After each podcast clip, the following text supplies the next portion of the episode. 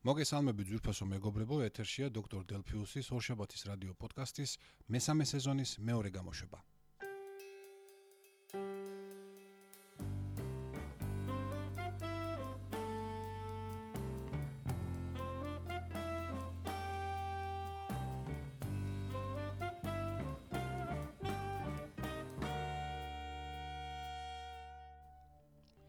როგორც იქნა დღეს 24 თებერვალს საღამოს 18 საათსა და 47 წუთზე მე მოვიცალე გამოვნახე დრო იმისათვის რომ მესამე სეზონი რაღაცნაირად დაგვეძრა და პირველი გამოშვებიდან კიდევ ერთი ნაბიჯი გაგვეკეთებინა, ანუ გაგვეკეთებინა მეორე გამოშვების ჩანაწერი. როგორც იქნა ვაშა და ვაშა. ძირითადად რა თქმა უნდა გასაგებია რომ ეს ყველაფერი და დამოკიდებულია და დამყარებულია ჩემი ჩემ სამუშაო გრაფიკზე, რომელიც არა ნორმირებულია, მაგრამ ძალიან კარგი და საინტერესო და ამის გამო ხშირ შემთხვევაში ვერ ვახერხებ ხოლმე გადაცემების ჩაწერას. მაგრამ შევეცდები, ეხლა უკვე პირობას აღარ დავდებ, მაგრამ შევეცდები რომ გამოვსწორდე და რეგულარულად ყოველ ორ შაბათს საღამოობით ან დილაობით ნახოთ როგორ იქნება სიტუაცია, მაგრამ ორ შაბათს რომ არ გადასცდეს, გადაცემას ჩავწერ ხოლმე. მოდით განვიხილოთ შეძლებს დაგვარად რა თქმა უნდა თელი ის თვე რომელიც ჩვენ არ შეხვედრილ ვართ ერთმანეთს, მე არ მისაუბრია რაღაც ჩემი აზრით, ვითომ დაჭკვიან ორი აზრები და თქვენ არ მოგისმენიათ. მე შევეცდები მიმოვიხილო როგორც სამსახურეობრივი საქმეები, ასევე რაღაც პირადი, გადავხედოთ დღეს ფსოფლიოში რა ხდება იმ მოვლენებს ტექნოლოგიურ საკითხებში, რა თქმა უნდა, ვინაიდან გასაგებია მთელი თვის განმავლობაში ძალიან ბევრი პოლიტიკური ამბები ხდებოდა, რასაც ჩვენ არ შევეხებით, იმიტომ რომ ისედაც უკიდურესად პოლიტიზირებულია ნებისმიერი მედია საშუალება და ინტერნეტი, Facebook-ი და ასე შემდეგ და ასე შემდეგ. დავანებოთ მაგას თავი. სამსახურში პრინციპში ხდება ის, რომ ყველამდე ვართ ჩაფლული ძალიან საინტერესო პროექტებით. აა და ამ პროექტების განვითარება და მიმდინარეობა ნელა წინ მიიწევს, ну, გეგმის მიხედვით, როგორც ქონდა შემუშავებული და მე როგორც ადრე დაგვირდით პირველ გამოშვებაში შევეცდები თითოეული პროექტი, როდესაც მივა გარკვეულ ლოგიკურ სტადიამდე, როდესაც მასზე საუბარი უკვე შესაძლებელი იქნება. საიდუმლო კი არ არის რაიმე განსაკუთრებული, მაგრამ მე მირჩევნია, რომ აა, როდესაც უკვე ჩონჩხის, საწყისი პერიოდი, ასე ვთქვათ, კავლილი იქნება, აი იმის შემდეგ უკვე ვისაუბრო იმ პროექტზე და ვთქვათ, მოგიყვეთ თუ რას ვაკეთებთ, რისთვის ვაკეთებთ, ვისთვის ვაკეთებთ და ასე შემდეგ და ასე შემდეგ.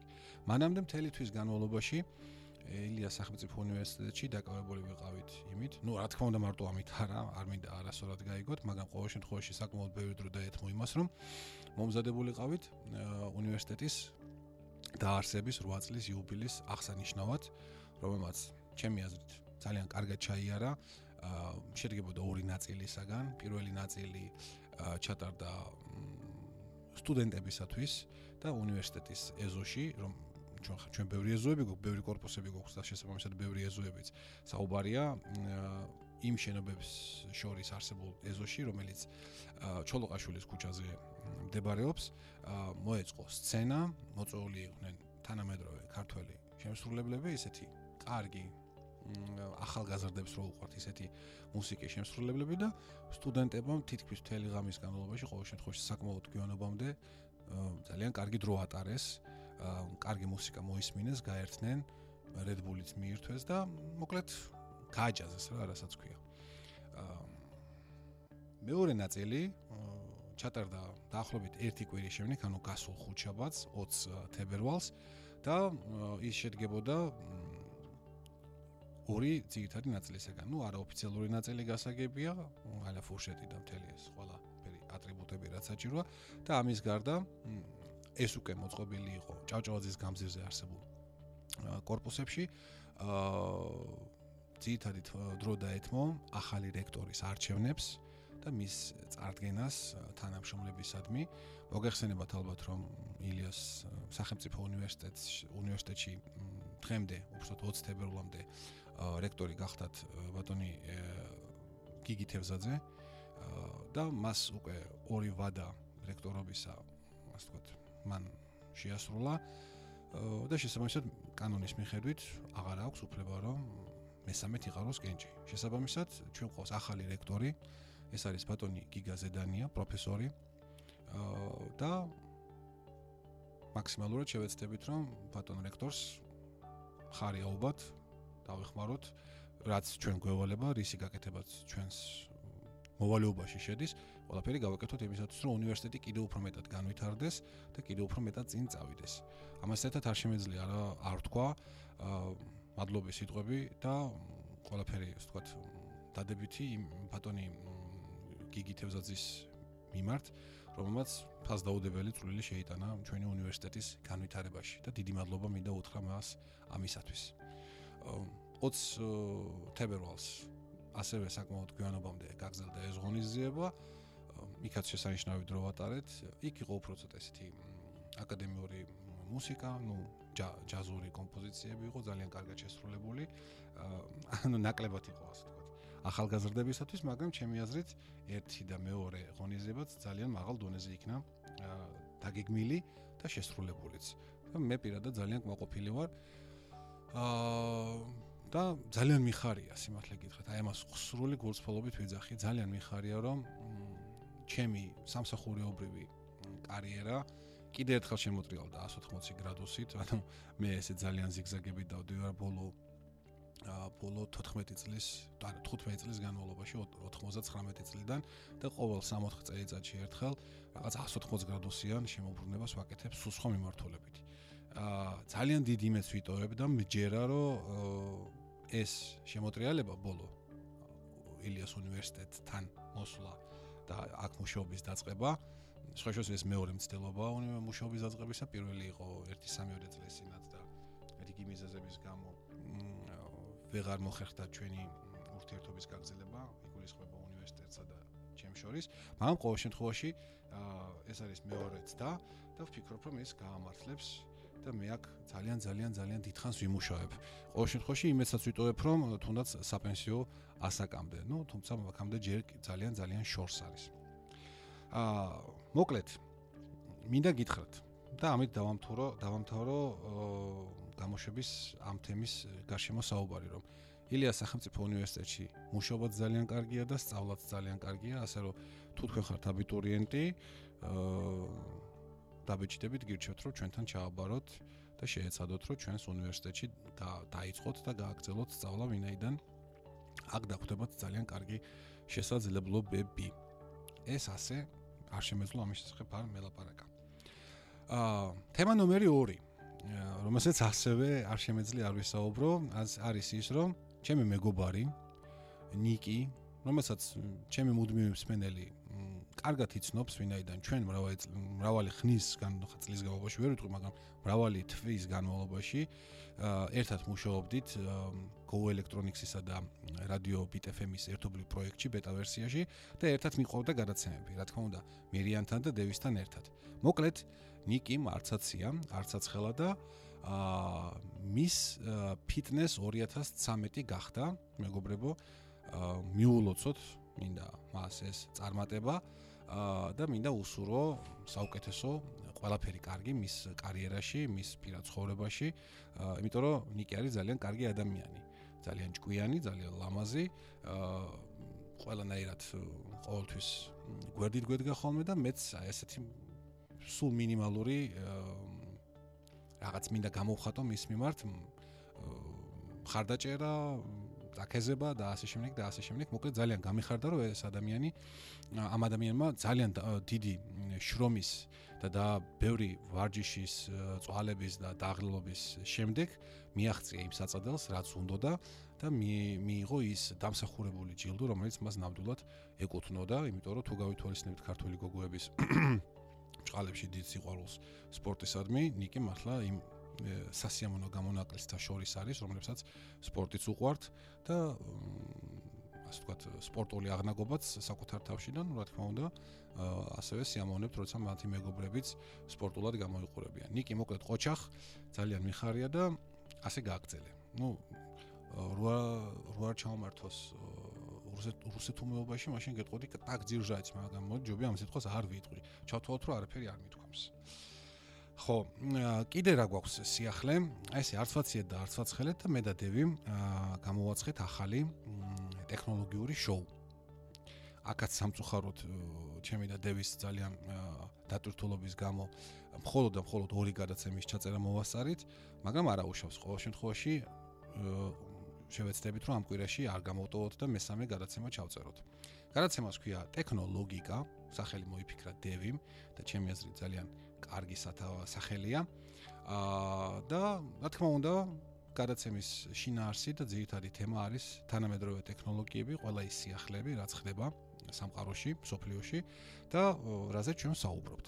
აა ნიკი, როცა ჩვენ წერდით აი ამ პირველ და მეორე გამოშვებებს, ნიკი მაშინ ზუსტად ამ თავისი სილამაზის კონკურსით იყო დაკავებული და არათუ ჩვენთვის, მეგონი ოჯახის წევრებისთვისაც არ ეცალა.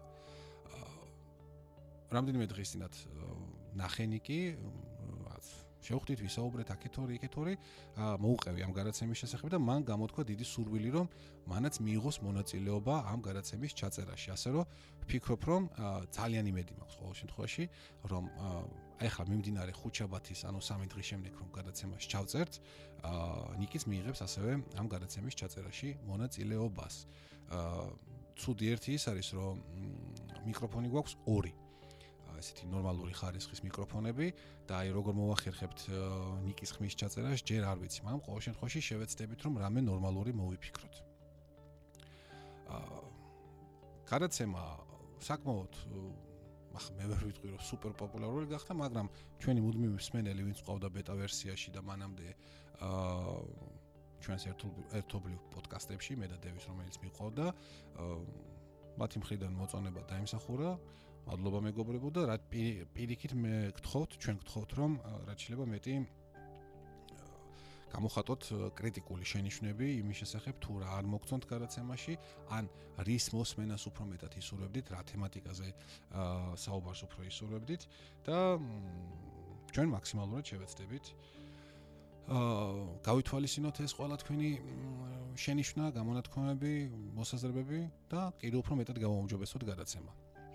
მესამე გადაცემა, რომელიც ასევე ჩვენ უბრალოდ მეორე ერთობლივი, მაგრამ მესამე ჩემთვის, რომელიც ასევე გვინდა რომ ჩვენ წავიყვანოთ, მაგრამ ჯერ არ ვიცით როდის დავიწყებთ და ან კვირის რომელ დღეს იქნება მისი ჩაწერა ხოლმე არის Apple-ის პოდკასტი, რომელსაც ასევე მე და დევი ვაკეთებდით უხსოვარ დროს 1-4-5 წლის წინ და ეს იქნება მხოლოდ და მხოლოდ Apple-ის შესახებ საუბრები. რატომ მხოლოდ და მხოლოდ Apple-ის შესახებ?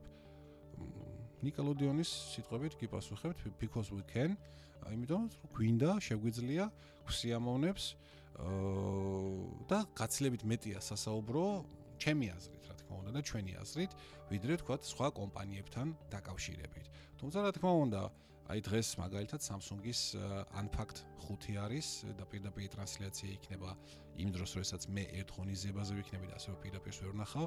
Microsoft-იც არის ბევრი სიახლეები, მაგრამ მაინც გვიჩვენია რომ Apple-ზე გავაკეთოთ ესეთი სპეციალიზირებული რადიო გადაცემა. ხოლო ყველა დანარჩენ კომპანიაზე ვისაუბროთ ტექნოლოგიაში. თუმცა ტექნოლოგიაში ასევე არ გამოირიცხება Apple-ის თემატიკა, თუ ის დაკავშირებული იქნება შინაარსობრივად იმ დღის გადაცემებთან ან რაღაცა ხდება განსაკუთრებული ხო ხო რაღაც ცხელცხელი ინფო ტიმ კუკმა გაიკეთა პლასტიკური ოპერაცია ან რაღაცა ეგეთი მაგის მსგავსი. ეს ისე ხუმრობით რა თქმა უნდა. მოკლედ, Apple-ს ტყუილად არ შევეხე ახლა მე. ვინაიდან დღეს არის მე ვფიქრობ, ყველა ნამდვილი Apple fanboy-ისთვის ერთ-ერთი ყველაზე მნიშვნელოვანი დღე მისი მხრიდან ამ კომპანიის და ამ კომპანიის დამფუძნებლებისადმი სიყვარულის ჩახუტების და გაგების ამბავში. დღეს არის 24 თებერვალი, ანუ სტივ ჯობსის დაბადების დღე. და დღეს ის 59 წლის გახდა. აა მე გადავწყვიტე სტივ ჯობსის გარდაცვალების შემდეგ, რომ არასოდეს არ მომეხსენებინა ეს თარიღი წარსულ დროში და არ მეთქვა რომ ის გახდებოდა ან ის გარდაიცვალა. კი, გასაგებია რომ ფიზიკურად ის გარდაცვლილია და აღარ ეკუთვნის მატერიალურ სამყაროს, მაგრამ ჩვენთვის, ყოველ შემთხვევაში, ჩემთვის მას გარკვეული ადგილი აქვს ჩემს გონებაში, ჩემს გულში და მე ყოველთვის ვიტყვი რომ ის გახდა. წელს ის 59 წლის გახდა და დღეს დაბადების დღეა და ნუ შეძლებს და გვარად რა თქმა უნდა არა ისე როგორც ზოგიერთმა ავანტყოფურმა კომპანიამ მისი გარდაცვალების დღე აღნიშნა უაზრო თვით პიარით აღარ დავასახელებ მე მგონი ყველა უკვე მიხვდით რომელ კომპანიაზე მაქვს საუბარი არამედ ესე მორიდებულად და წყნარად ჩვენი ჯემოგის საიტზე და Facebook-ის ჯგუფში პატარა სტატიით აღნიშნეთ ამ ადამიანის დაბადების დღე და ფიქრობ რომ სრულიად საკმარისია ლაკონურად მორიდებულად და მშვიდად ისე როგორც მას ზოგადად უყვარდა ცხოვრებაც და საქმეც და ასე შემდეგ და ასე შემდეგ. აა ლოგიკურად ამ საკითხთან დაკავშირებულია კიდევ ერთი თემა. მ ძალიან საინტერესო. რამდენიმე თვის წინათ მე და დევი გავიცანით ერთი ახალგაზრდა ადამიანი, ჩვენ ჯერ კი მაშინ ჯერ კიდევ მუშაობდით კომპანია Go Electronics-ში. აა მამუკა კაფთელიშვილი, რომელიც ტელეკომპანია Image-ში მუშაობს. მაშინაც მუშაობდა და ეხლაც მუშაობს. აა ჩვენ ქონდა საუბრები რაღაც მამუკამ გამოთქვა ესეთი ძალიან დიდი სურვილი იმისა, რომ დაგხმარებოდა ჩვენ სხვადასხვა მაშინ ჩვენ ძალიან გატაცებული ვიყავით ვიდეო ჩაწერით და რასაც აუცილებლად მომავალში შევეცდებით რომ გავაკეთოთ უბრალოდ რეალურად რთული ყოფილა ნორმალური და ხარისხიანი ვიდეო გადაცემის ჩაწერა და არა ისეთის, როდესაც შენზი ხარ რაღაც ვებკამერის წინ და კიდევ ერთხელ ბოდიში სიგარეტს აბოლებ და თავი ბირჟაზე გგონია. აა მაგრამ ფიქრობ რომ მაგის დროც დადგება და ჩვენ ჩავწერთ ნორმალურ კარგ აა ვიდეო გადაცემებსაც თქვენთვის თვითფოსო მეგობრებო. აა ჩვენ ვისაუბრეთ მომუკა გამოთქვა სურვილი ჩვენს ძალიან გაგვიხარდა, მაგრამ ამის იქით სამწუხაროდ აღარ წავიდა, მე მოხდა მთელი ეს ამბები ჩვენი ერთი სამსახურიდან მეორეში გადაბარგება და ამასობაში ამ ადამიანმა იფიქრა, იფიქრა და ერთი საინტერესო რაღაცა მოიფიქრა. კერძოდ, მან გადაწყვიტა გადაიღო დოკუმენტური ფილმი სტივ ჯობსის შესახებ. ახლა შეიძლება ზოგმა თქვას, რომ ეს უკვე მილიონ მე ერთი ფილმი იქნება სტივ ჯობსის შესახებ, რომ არაფერი საინტერესო თქვათ და ახალს იქ ვერაფერს ვერ იტყვი, მაგრამ მე ამაში ვერ დაგეთანხმებით. ვინაიდან ქართველი მაყურებელი სამწუხაროდ მოკლებულია ზოგადად ორიგინალურ და ქართ საქართველოსში წარმოებულ მედია პროდუქციას. ამიტომაც ძალიან კარგია, რომ ამ ადამიანმა მოინდომა, იშრომა და რაც ყველაზე მნიშვნელოვანი და საინტერესოა, ლიცენზირებული ლიცენზიით მიიღო, ასე ვთქვათ, უცხოური ტელეკომპანიებისაგან ის შიქთავსი, ის კონტენტი, რომელიც მან გამოიყენა ამ დოკუმენტური ფილმის შექმნის დროს. რამდენადაც მე ვიცი, BBC-სგან იყო აღებული კონტენტის დიდი ნაწილი, თუ არ ვცდები, და კიდე სხვა კომპანიებისაგან. აა ფილმი შეიქმნა, მაგრამ ჩვენ ის ჯერ არ გვინახავს და დღეს სტივ ჯობსის დაბადების 59 წელს აა თბილისის დროით 22 საათზე კინოთეატრ რუსთაველში მოხდება მისი დახურული პრემიერა. მოწვეული მოსაწვევებით იქნება მხოლოდ იქ შესვლა. შემდგომ მარტში იქნება ხელახალი ჩვენება მხოლოდ უკვე დიდ დარბაზში, სადაც თუ არ ვცდები 450 ადამიანი ეტევა და მე შემეძლება გემოგელებისათვის რაღაც გარკვეული ოდენობის მოსაწვევების დარიგება და თხოვთ წინასწარ მაცნობოთ, ვისაც სურვილი გექნებათ რომ ეს ფილმი ნახოთ.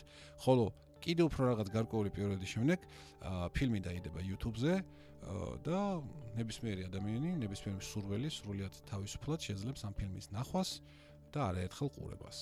მაგრამ ნუ მაინც ახ პრემიერაზე დასწრება და ხურულ ჩვენებაზე დასწრება ცოტა განსაკუთრებულას თქვა სიტუაციას ქმნის, განსაკუთრებულ ატმოსფეროს ქმნის და ვფიქრობ რომ ძალიან საინტერესო იქნება დღეს ჩემი საღამო ველოდები და მე და დევი ორივეს გვაქვს მოსაწვევები საღამო 7 საათზე უკვე კინოთეატრში ვიქნებით და ვნახავთ ამ დოკუმენტურ ფილმს ხოლო მის შესახებ მე ჩემს მოსაზრებებს ან საკუთარ Facebook page-ზე დავდებ, გვერდზე დავდებ, ან გემოგის ჯგუფში მოკეთ რაღაცნა რაღაცა სახით მე მოგაწვდით აუცილებლად ჩემს შტაბეშლებებს ამ ფილმის შესახებ.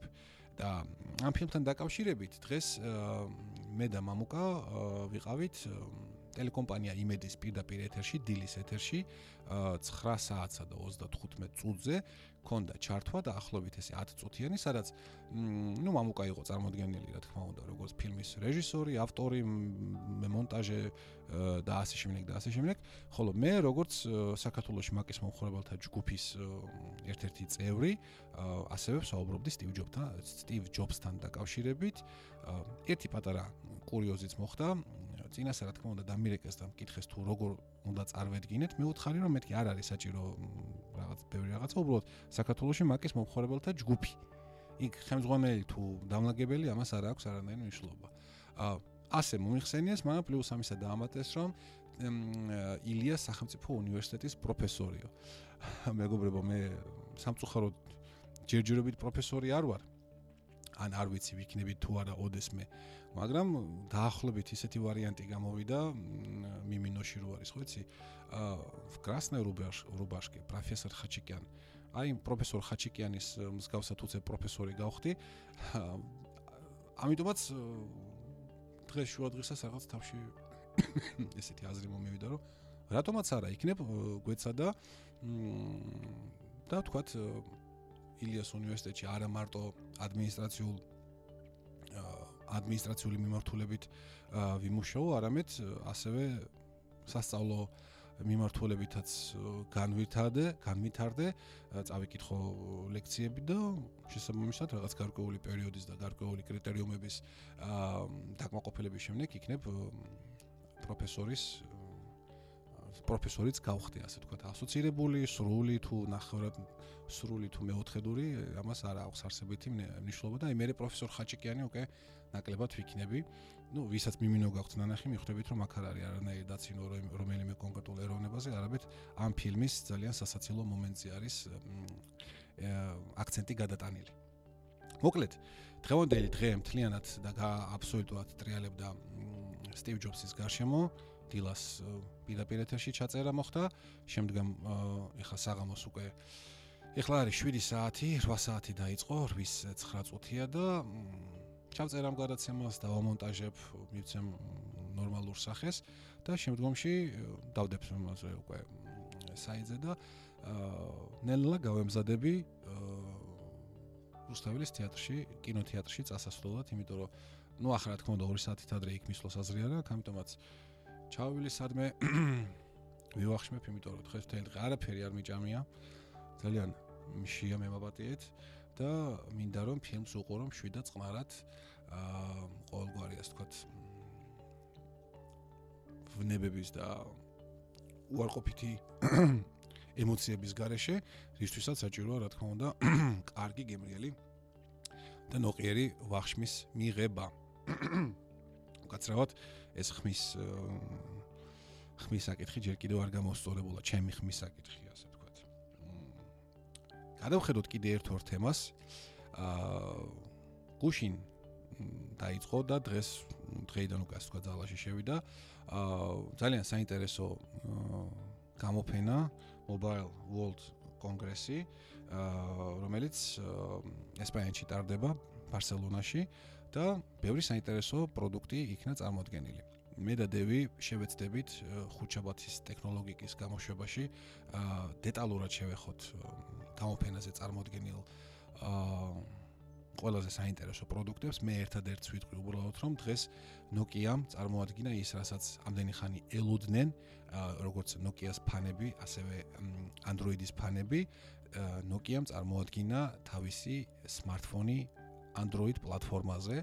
აა თუმცა შეგვიძლია ვთქვა, რომ ეს არის ძალიან ძალიან საწყისი დონის ხარისხის თვალსაზრისით და თქვა ტექნოლოგიური ტექნიკური מחასიათებლების თვალსაზრისით smartphone-ი, აა რომელშიც ვიზუალური მხარე Lumia-ს და შესაბამისად Windows Phone-ს არ გაცდა ისეთივე თაილების მსგავსი ინტერფეისი აქვს, ანუ აა მაქსიმალურად დამსგავსებულია Windows Phones, მაგრამ შეგით Android-ია და შესაბამისად ყველანაირი Android აპლიკაცია იდეაში უნდა ეშვებოდეს.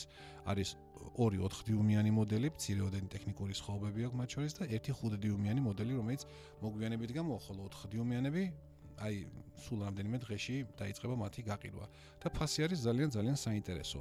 99 და 99 ევრო ღირს შესაბამისად ეს 2-4 დიუმიანი მოდელი. ფასი საინტერესოა, მაგრამ გადაწყვეტილების მიღება ალბათ მაშინ იქნება შესაძლებელი, როდესაც ტექნოლოგიური ბლოგების, საიტების ჟურნალისტები მიიღებენ ამ ტელეფონებს ტესტირებისათვის, ჩაუტარებენ დეტალურ გამოკვლევას, დაგვიწყობენ YouTube-ზე ათობით და ასობით ვიდეოს პირველი გახსნების, ტესტირებების, მსხრევების, მტროებების და ასე შემდეგ ჩვენებით. და აი ამის შემდეგ შეგვიძლია გადავწყვიტოთ ღირს თუ არა ამ ტელეფონის შეძენა, იმიტომ რომ ფასი მართლაც არ არის ისეთი, ну თუ თუ ვივარაუდებთ რომ დოლარში შეიძლება მათი ფასი იყოს სადღაც 119, 129 ან 139 დოლარის ფარგლებში, სრულიად ნორმალური ფასია საწყისი დონის ტელეფონისათვის. აა ჩემთვის ეს განსაკუთრებით მნიშვნელოვანი გახდა მას შემდეგ, რაც სამსახურმა მე მომცა აა iPad mini Retina ეკრანით ყოველდღიური მოხმარებისათვის და სამსახურებრივი მიზნებისათვის, ვინაიდან მე აქ მიდგას დესკტოპ კომპიუტერი Windows-იანი და მაქვს ყოველდღურად მაქვს უამრავი შეხვედრები, თათფირები და ვთქვათ სხვადასხვა სხვა გარე ორგანიზაციებთან ურთიერთობა, მათთან მისვლა ან რაღაც ასე შემდეგ და ასე შემდეგ. შესაბამისად, იმისათვის რომ ელემენტარულად შეხვედრის დროს რაღაცა ინფორმაცია მიაწოდო, რაღაცა ჩაიწერო, აა ხმაინც და მაინც ხარის ტყავი და თქვათ კალმით არ არის საჭირო მაინც 21 საუკუნეში მუშაობა. კი, კალმით პასტი და ფურცლით ფურცლთან შეიძლება ურთიერთქმედება, მაგრამ ეს გაცლებით ნაკლებ ინტერაქტიულია ვიდრე თქვათ ნებისმიერი თანამედროვე ტაბლეტი. ამიტომაც დაისვა საკითხი და დადებითად გადაწყდა შესაბამისად მე უკვე მაქვს iPad mini Retina ეკრანით და რაც ყველაზე მნიშვნელოვანია, მას აქვს აა მობილური ქსელების მხარდაჭერა, ანუ მასში შესაძლებელია სიმბარათით ინტერნეტის მიღება. ჩვენ ახლა აა ვინაიდან სახელმწიფო ორგანიზაცია ვართ, შესაბამისად მხოლოდ და მხოლოდ ტენდერის საშუალებით ვხებულობთ სხვადასხვა პროდუქციას, საქონელს, ტექნიკას და ასე შემდეგ და მათ შორის სერვისებსაც. და ერთ-ერთი სერვისი, რომელსაც ვხებულობთ კონსოლიდირებულად სხვა სახელმწიფო ორგანიზაციებთან ერთად, ეს არის მობილური კავშირგაბმულობა. თავიდან ილიას უნივერსიტეტში იყო ჯეოსელი შემდეგ და შესაბამისად, ну მე აქ მაშინ არ მუშაობდი და ნომრებიც 8-7 5-7-7-ით იწყებოდა. შემდეგ რომელიღაც წელს ტენდერი მოიგო მაგთიმ შესაბამისად მე ყველა ეს 5-7-7 5-7-7 ნომერი გადაპორტირდა აა მაგთის ნომრებად. მე როცა მოვედი აქ მაგთი უკვე იყო, შესაბამისად ჩემი მაგთის ნომერიც კორპორატიული გახდა ყოველგვარი პორტერების garaშე და სიმართლე გითხრათ ძალიან კმაყოფილი ვიყავი, იმიტომ რომ ჯერ ესეთი მაგთი სარგებლობ რაც კი საერთოდ მობილური ტელეფონი მაქვს. აა მეორეც მაგთის კორპორატიული ტარიფები არის არაჩვეულებრივი, სულ რაღაც 5 ლარად. თქვენ შეგიძლიათ შეიძინოთ 15 გიგაბაიტი მობილური ინტერნეტი. ნუ იქ საუბარზე აღარ მაქვს თქვა და SMS-ებზე და სხვა დანარჩენ სერვისებზე საუბარი, ესენი ძალიან ძალიან გემრიელ ფასებში არის. აა 2014 წლიდან ჩვენ კლავ ჯეოსელში გადავპორტირდებით და ერთადერთი დასანანი მომენტი რაც არის აა გახლავთ ის რომ ვინაიდან iPad mini არ არის მოწყობილობა რომელიდანაც შეიძლება დარეკვა შესაბამისად მას არ აქვს საშუალება USSD კოდების მიღებისა და გაგზავნისა აა ჯეოსელის ქსელში შეუძლებელია თვითონ iPad-დან გავარკვიოთ ბარათის სიმბარათის ნაშთი, თანხობრივი ნაშთი და მობილური ინტერნეტის ასევე ნაშთი. მაგთის შემთხვევაში შესაძლებელია, ვინაიდან კომპანია Macticom-მა შექმნა საიტი, აა თუ არ ვწდები, ან პორტალ წერტილი რაღაც Macticom.g, ანუ რამდენიმე მისამართია, რომელიც ერთმანეთთან გადამისამართდება და შედიხართ მოწყობილობიდან იზგებულობს კითხულობს სიმბარათის ნომერს და გიჩვენებთ ეკრანზე ყველანაირ ნაშთებს, მათ შორის სასაუბრო დროის, SMS-ების, მობილური ინტერნეტის და ასევე ამავე ჩვეულებრივად ბრაუზერის საშუალებით. და ამავე გვერდიდან შესაძლებელია თანხის შევსება და თქვა იქ მობილური ინტერნეტის პაკეტების შეძენა. აა ჯეოსელში მე ჯეოსელის ასე ვთქვათ მხარდაჭერის სამსახურის ჩეტში ვიკითხე და მითხრეს რომ სამწუხაროდ ჩვენ ესეთი სერვისი არ გვაქვსო. აა თუმცა გიგაპაჭომ რაღაცა გამოძებნა. აა დროს ვიხელთებ და მივესალმები მას. აა რაღაც სერვისი აქვს Geosals 577 აა მომხმარებლებისათვის და ეს უნდა ვიკითხოთ დღეს სამწუხაროდ ვერ მოვახერხე მაგის ამ ამ საკითხის კითხვა. აა ჯეოსელის მხარდაჭერის სამსახურში რამდენად შეიძლება აი ამ სერვისის გამოყენება ანუ მოკლედ სერვისი ასეთივე ვებ გვერდია სადაც შედიხარ შენი ტელეფონის ნომრით და პაროლით და იქ გიწერს ნაშთებს. აა და აი რამდენად შესაძლებელი იქნება და პორტირებული ნომრის ასეთივე ნაშთის გაგება ჯერჯერობით არ ვიცი.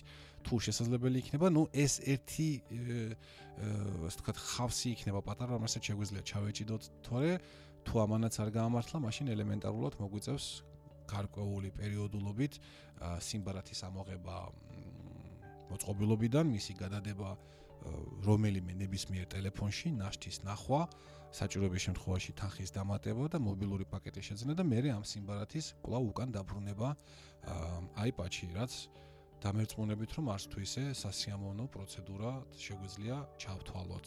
ვინაიდან ახლა ეს 21 საუკუნეში აბსოლუტურად გაუგებარია თუ რატო უნდა ვაკეთო მე ამდენი აა ნაბიჯი რატო უნდა გადავდგა, როცა შეიძლება უფრო მარტივად გაკეთდეს.